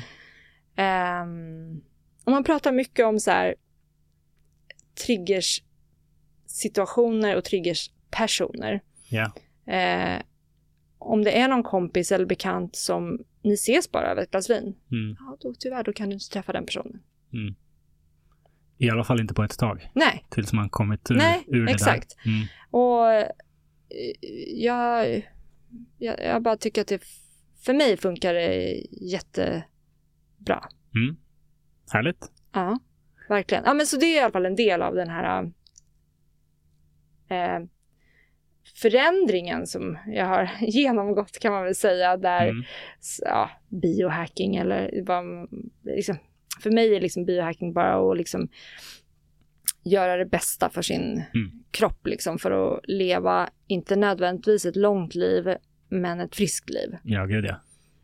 Um, så och när man då drar ner på alkoholen så kommer allting annat per automatik. Då vill du träna, mm. du vill, eh, du måste hitta på någonting annat för du kanske tackar nej till sociala situationer som är triggersituationer. Mm.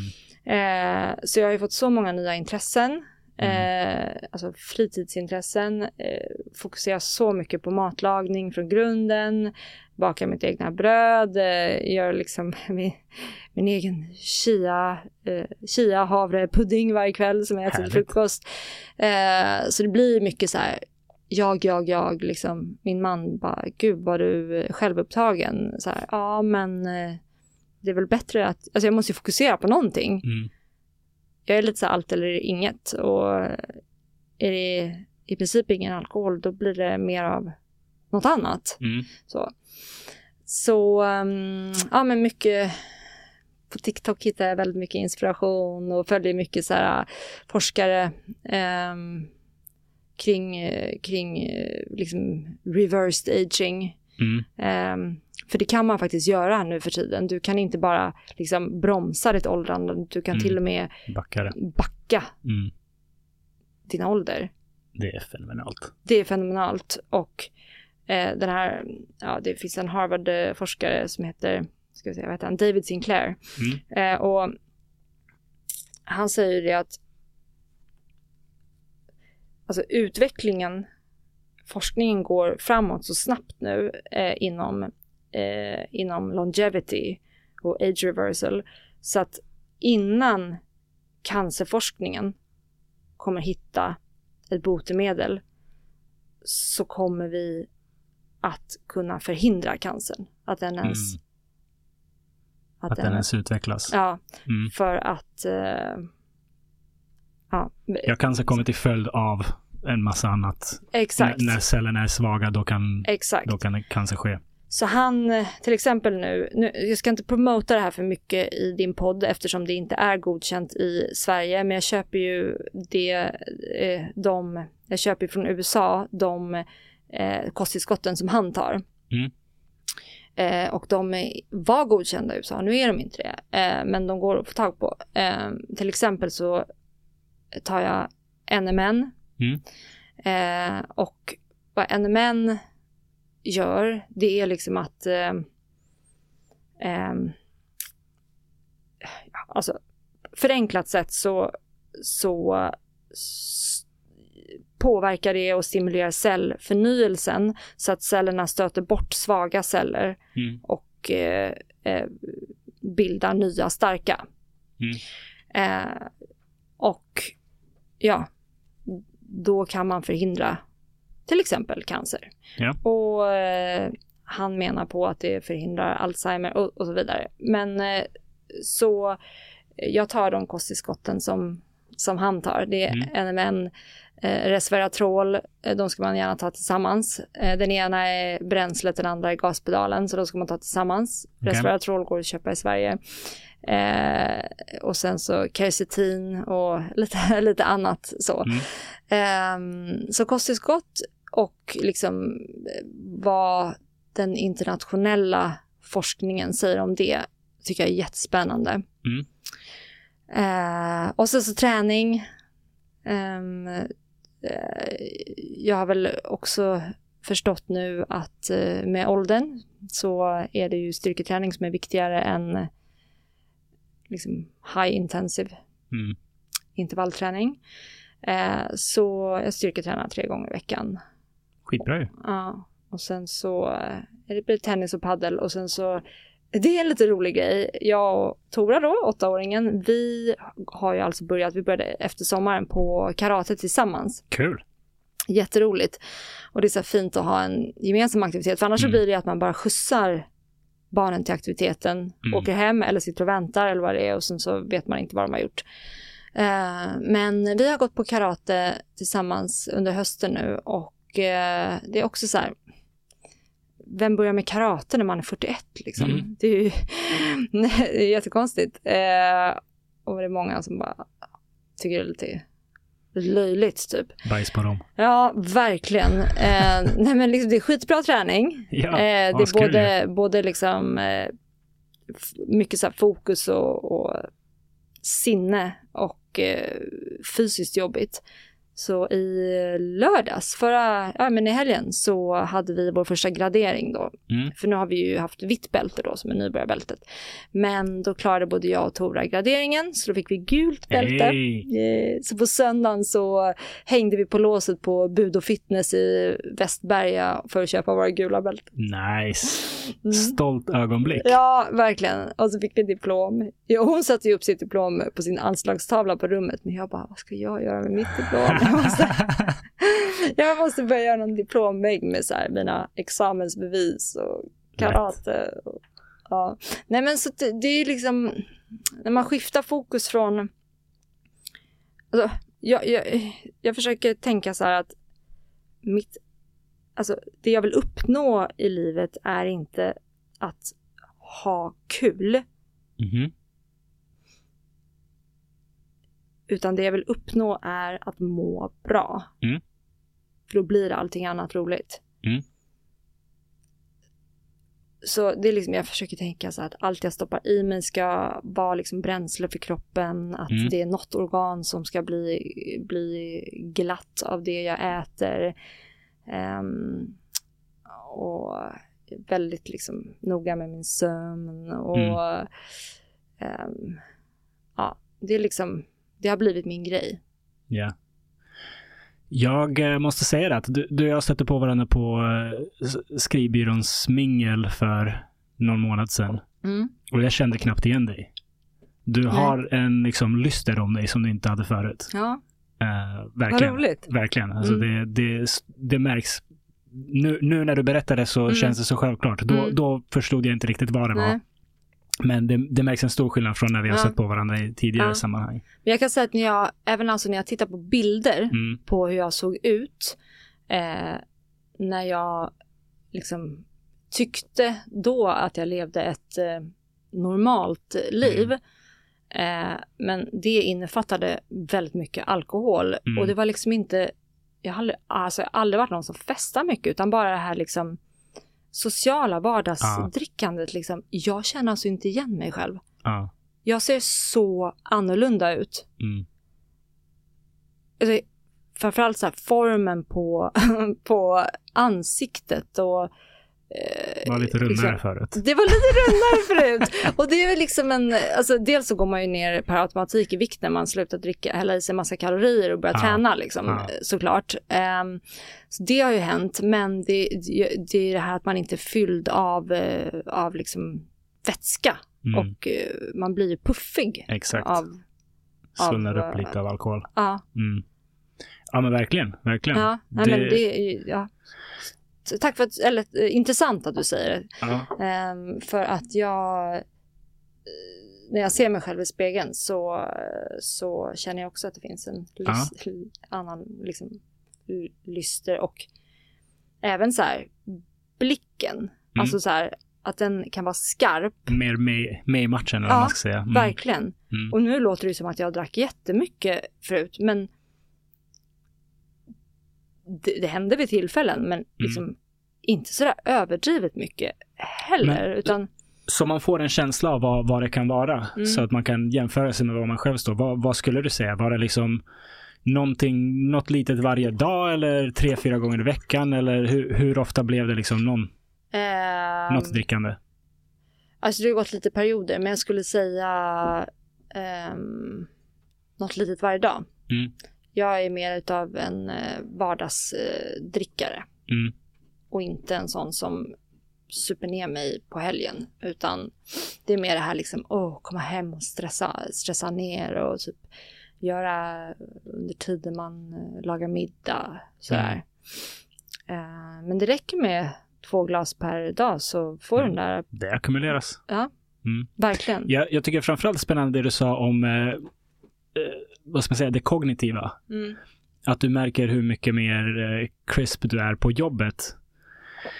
Det, Ja. jag hade turen att upptäcka det ut, utanför ett professionellt sammanhang. Mm. När, jag, när, jag, när jag var, innan jag startade eget så höll jag på Mm. att skriva någonting varje dag i hundra dagar på Facebook. Mm. Bara för att träna på att skriva offentligt. Liksom. Mm. Och då märkte jag, märkte jag alltså dag, dagen efter att jag har druckit, Mm. Eh, inte ens mycket, men Nej. du vet, tillräckligt för att det ska sitta kvar i kroppen och, Mm. och påverka en. Min kreativitet var borta. Mm. Helt borta. Och då, då lärde jag mig att, ah, okej, om jag ska hålla på och jobba med skrivande, Mm. då, då finns det inte, det, det- finns inte Nej. att, att dricka dagen Nej. innan jag behöver jobba. För det, jag, jag kan inte liksom, jag kan inte ta betalt av folk för Nej, 10 procent av min normala kapacitet. Det, det går inte. exakt så. Mm. Kreativiteten är verkligen, den, Ja. den påverkas verkligen. Jag tror mina kollegor eh, märkte en stor skillnad också liksom i Mm. min eh, liksom, leveranstakt och Mm. eh, liksom initiativförmåga och, Mm. och så också. Liksom. Jag var bra på jobbet innan också men det var liksom plötsligt så blev det på en helt ny nivå. Ja. Coolt. Ja, väldigt det, coolt. Det, det är liksom... Många kanske tänker, ja men 40, Mm, alltså, då är man redan den man är. mm, inte. lära gamla hundar sitta och alla Ja. de här uttrycken. Alltså, jag har alltid tyckt att det är bullshit. Ja. Eh, men det är många som har den, den liksom Oh ja. idén. Och speciellt när det kommer till sånt som man som är svårt att, att ändra och Mm. som påverkar en sociala liksom, liv. Att folk tänker, men det här är den jag är. Mm, Och så, och så lever man sitt liv tills Verkligen. resten av livet exakt likadant. Det, det Men måste inte vara så. förhoppningsvis är du bara halvvägs genom livet när du är 40. Mm. Det kan inte vara för sent. Då, Kanske till och med liksom. bara en tredjedel, vem Mm. vet? Ja, Så som vi förlänger och håller på. ja precis. Nej men nu, nu, nu är absolut människan född som kommer bli 140 liksom. Mm, Så är det ju. det tror jag. Men det, det där är en lite klurig fråga tycker jag. Alltså Ja. det här med longevity och liksom man vill ju inte vara själv kvar. Alltså man vill ju att alla andra ska ha samma, Mm. samma ambition och drivkraft att leva Mm. på ett sånt sätt som gör så att man förhoppningsvis får ett friskt och långt liv. Ja. Man vill inte överleva sina barn och alla man älskar. Mm. Så, det, så kan jag tänka så här, jag vill att, att alla ska Mm. tycka att det här är lika spännande som jag. Det vore trevligt. Ja, eller hur? Ja, men, Har, du- har du börjat predika om det nu då? om jag har folk är så trötta på mig. Eh, ja, nej men jag... eh, eller hur? Särskilt barnen. Ja. Min man. Men man får väl hoppas på att det går så fort framåt nu att Ja. liksom när barnen är bara åtta och fyra Mm. nu, att när Mm. de kommer... Är det jag som låter? Det är jag som låter. Mm. för det. Eh, när barnen eh, kommer upp i liksom 20-årsåldern, att det här Mm. är så standard att Mm. alla lever. För alla lever ju hälsosammare generellt Ja, här Verkligen. i livet. Årtionde för årtionde. Verkligen. Så varför skulle det inte fortsätta? ja. Men det är ju, det har jag ju förstått att det är ju väldigt, eh, kan säga, trendigt just nu att sluta Mm. dricka alkohol. Mm.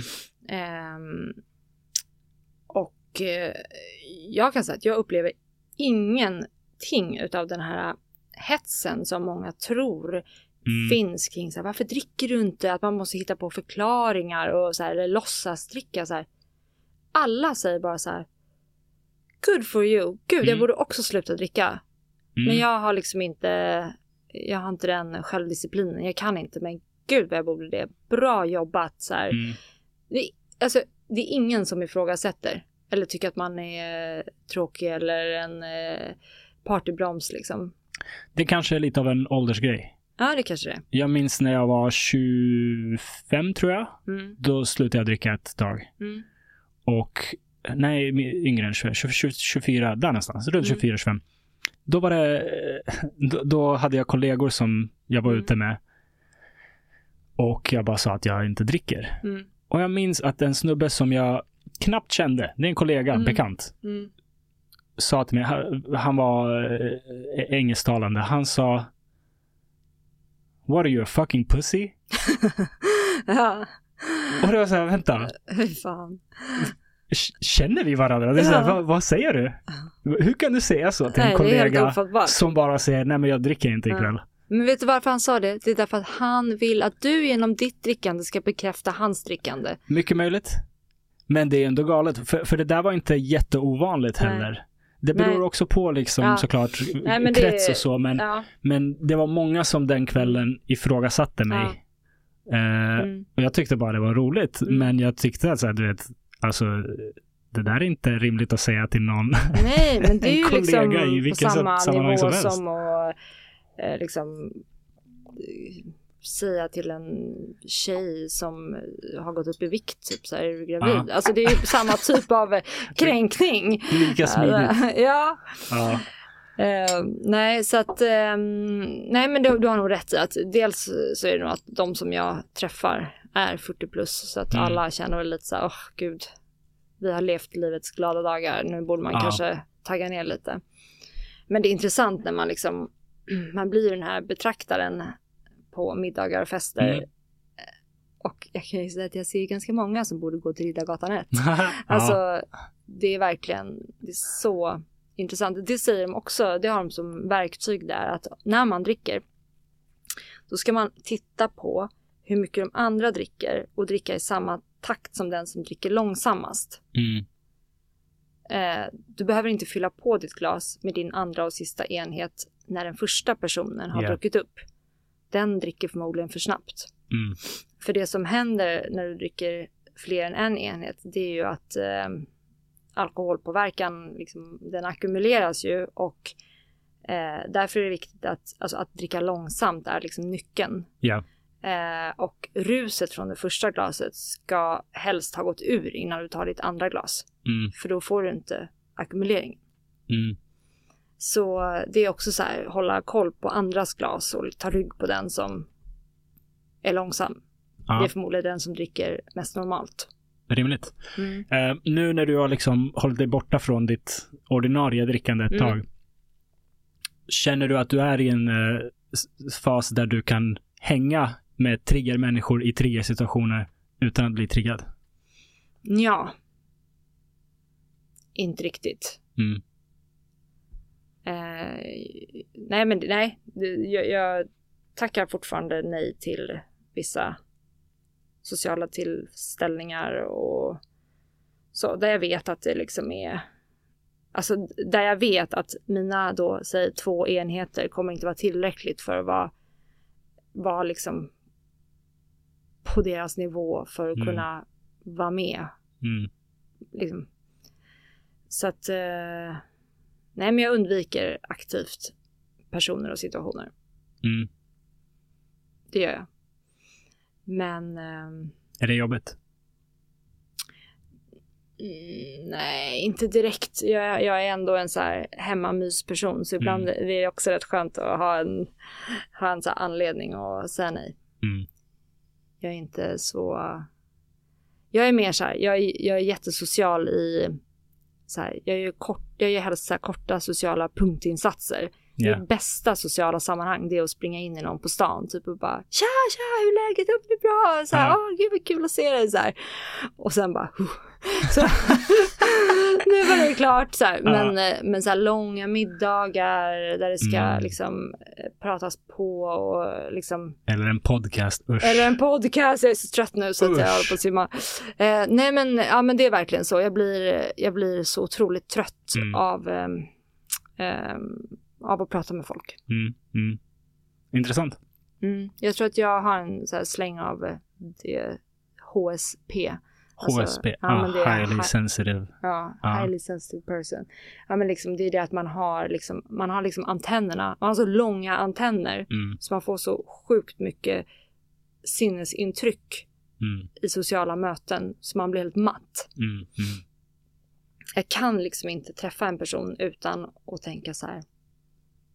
Vad säger det där ansiktsuttrycket? Mm. Vad, vad, vad, vad tycker han eller hon om mig?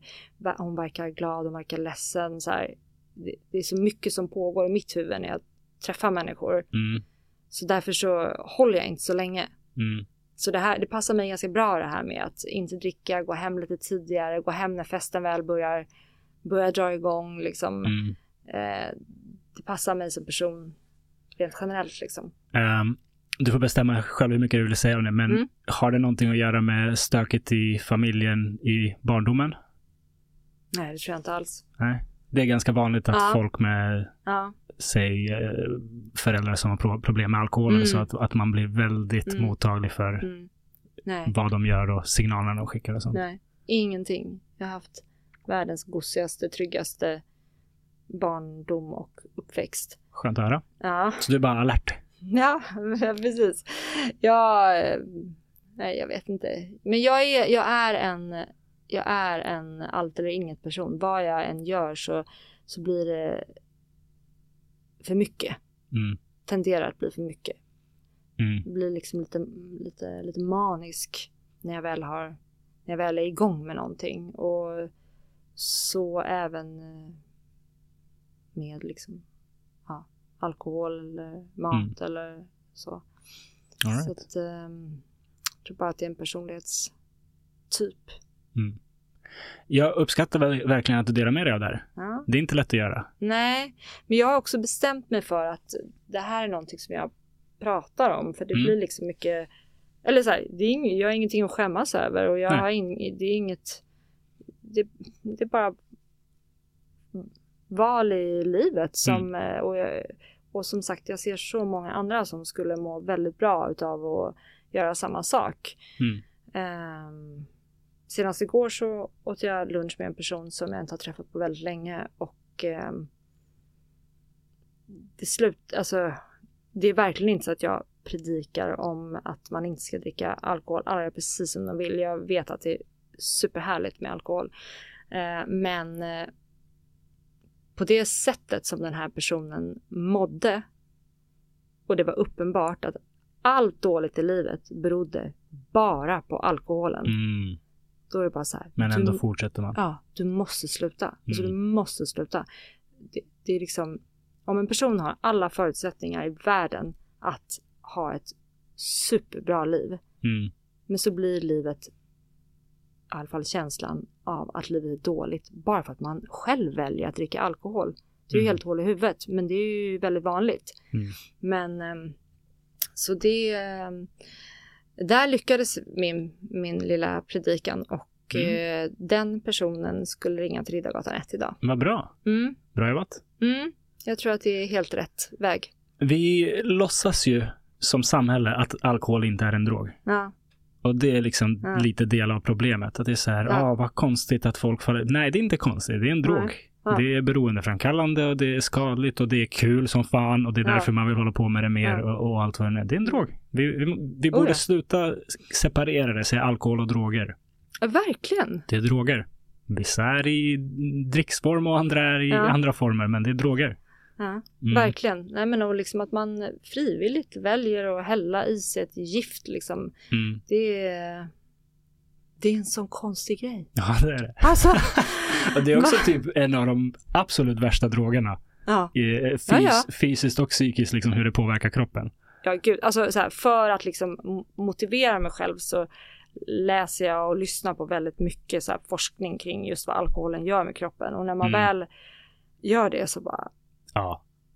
herregud. Alltså det Hur är, är det här lagligt? alltså verkligen. Och, ja, men, och just också så här, ganska små mängder påverkar väldigt mycket. Mm. Det tar liksom 72 timmar för ett glas vin att gå ur kroppen. Mm. Dricker du varannan var tredje dag, då får kroppen aldrig vila. Ja. Din liksom, alkohol stressar kroppen. Något så, alltså, du dricker alkohol för att stressa ner. Mm. Det finns inget som stressar kroppen på samma sätt som alkohol. Mm. Din kropp går på hög varv. Mm. Den får aldrig vila. Inte Mm. ens på natten liksom. Så att eh, det är det är en så dålig grej. Ja, gud ja. Jag eh, gick igenom en depression när jag var yngre Mm. och jag kunde inte ta mig ur den innan jag var helt nykter i ett år. Nej. Och jag lärde mig då att det, det där du säger, det går inte ur kroppen för en Nej. omtag. Så även om du bara dricker lite då och då så är du inte helt klar i huvudet någon dag om Nej. du nu dricker två, tre dagar i veckan. Nej, Utan exakt. det, om du ska ta dig ur en depression eller, eller liksom Mm. lösa ett svårt problem i livet Mm. överlag, Mm. då måste du vara klar i huvudet. Du kan Verkligen. inte liksom vara påverkad, vilket man faktiskt är, även om det inte känns som, som det, Nej, men alltså det, och, och tro att du ska ta dig ur det. Liksom. Nej, alltså det, den, den kemiska ångesten som kommer av alkohol, liksom, det är klart att om du lider av, av annan ångest eller Mm. liksom, ja, mental ohälsa av något slag. Om du då adderar ett ämne som kemiskt gör att du blir mera får mera ångest, liksom, precis som du säger, hur ska du kunna lösa ursprungsproblemet? Exakt. Roten till problemet. Mm. Men istället så är det ju många som dricker för att eh, döva och så, så blir allting helt kajko. Dämpa allting. Ja. Mm. Det, är en, eh, det kan vara en spiral. Det kan Mm. verkligen vara en spiral. Mm. Eh, Jag är glad att se att du mår mycket bättre. Mm. Och som sagt, det märks. Det Mm. märks på det. Liksom. Det är Ja, jättekult att se. Ja. Och som jag sa, jag är jättetacksam att du pratar om det. För att Ja. det, det är många som är i liknande situationer. Mm. Och ja, antingen i, i många situationer kan man tro att det här är inte ett problem, fast man kanske innerst inne vet att det Mm. är det. Eller att man tror att, nej, men, som jag sa förut, nej, men jag, är, jag är 35, jag är 40. Mm. Det här är vem jag är. Liksom. Mm. Så det är jättefint att höra Mm. den här typen av historier. För att Mm. det är många där ute som antagligen kan Mm. ja, beröras av det. Jag hoppas det. Mm. Mm. Ehm, tack för att du ville liksom sitta och prata här med mig idag. Tack ska I du ditt ha. upptagna schema med Ja, alla dessa kunder och, och, och, och barn och allt som händer. Ja. Ehm, om vi avrundar, Ja. eftersom du har varit på andra sidan bordet ehm, vad gäller copywriting och nu är på, på min sida, på frilansersidan. Vad ska du ge för tips till frilansare? Det kan vara copywriting, det kan vara vad som helst, men att jobba som frilansare. Mm.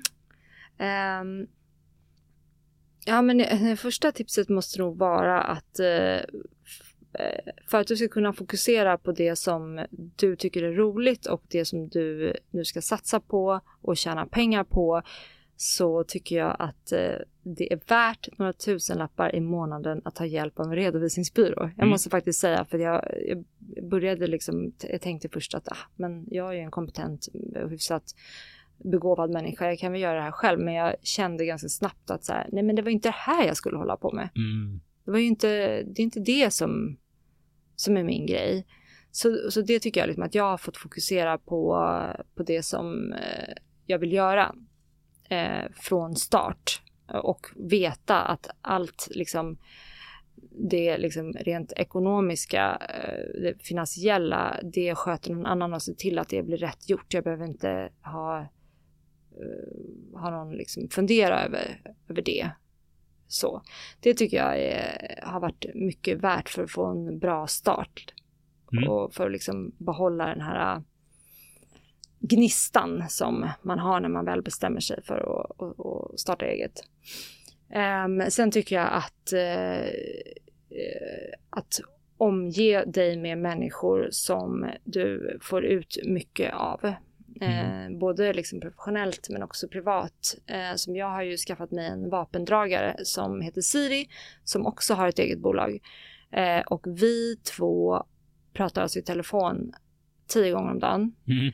Eh, några uppdrag har vi nu tagit tillsammans. Hon är, jag är bättre på vissa saker, hon är bättre på andra. Så vi har kommit på att vi är bäst som en package deal. Mm. Eh, så att eh, ehm, jag känner mig inte ensam och jag tvivlar inte på att jag ska kunna leverera. För att om det är någonstans jag brister så kommer Siri täcka upp. Mm. Um, och uh, sen är det väl att uh, ja, men veta ditt eget värde. Mm. Eller liksom inte vara rädd för att inte skämmas över och känna att du, du har ett, ett värde. Folk ska betala för dina tjänster. Du är grym mm. på det du gör. Och eh, är de inte beredda att betala så får du gå någon annanstans. Eller mm. de får gå någon annanstans. Um, så ja, men för att återkoppla till det här om, som vi pratade om, att ta betalt och så. Liksom, du ska inte bli girig och du ska inte skjuta dig själv i foten genom att ha för höga priser, men det skadar inte att, att testa och sen förhandla. Mm. Om, någon inte, om någon tycker att du är för dyr, då får de komma med ett motbud. Exakt. Bra tips. Ja. Så ett, um, Gud, nu, Ta hjälp av en redovisningsbyrå. Våga outsourca ja. det som inte är din kärnverksamhet. Liksom. Ja. Det var det jag tänkte säga. Ja. Uh, två, omringa dig med positiva människor. Mm. Professionellt och privat. Mm. Och tre, vet vad du är värd och våga be om det. Mm. Bra tips. Tack.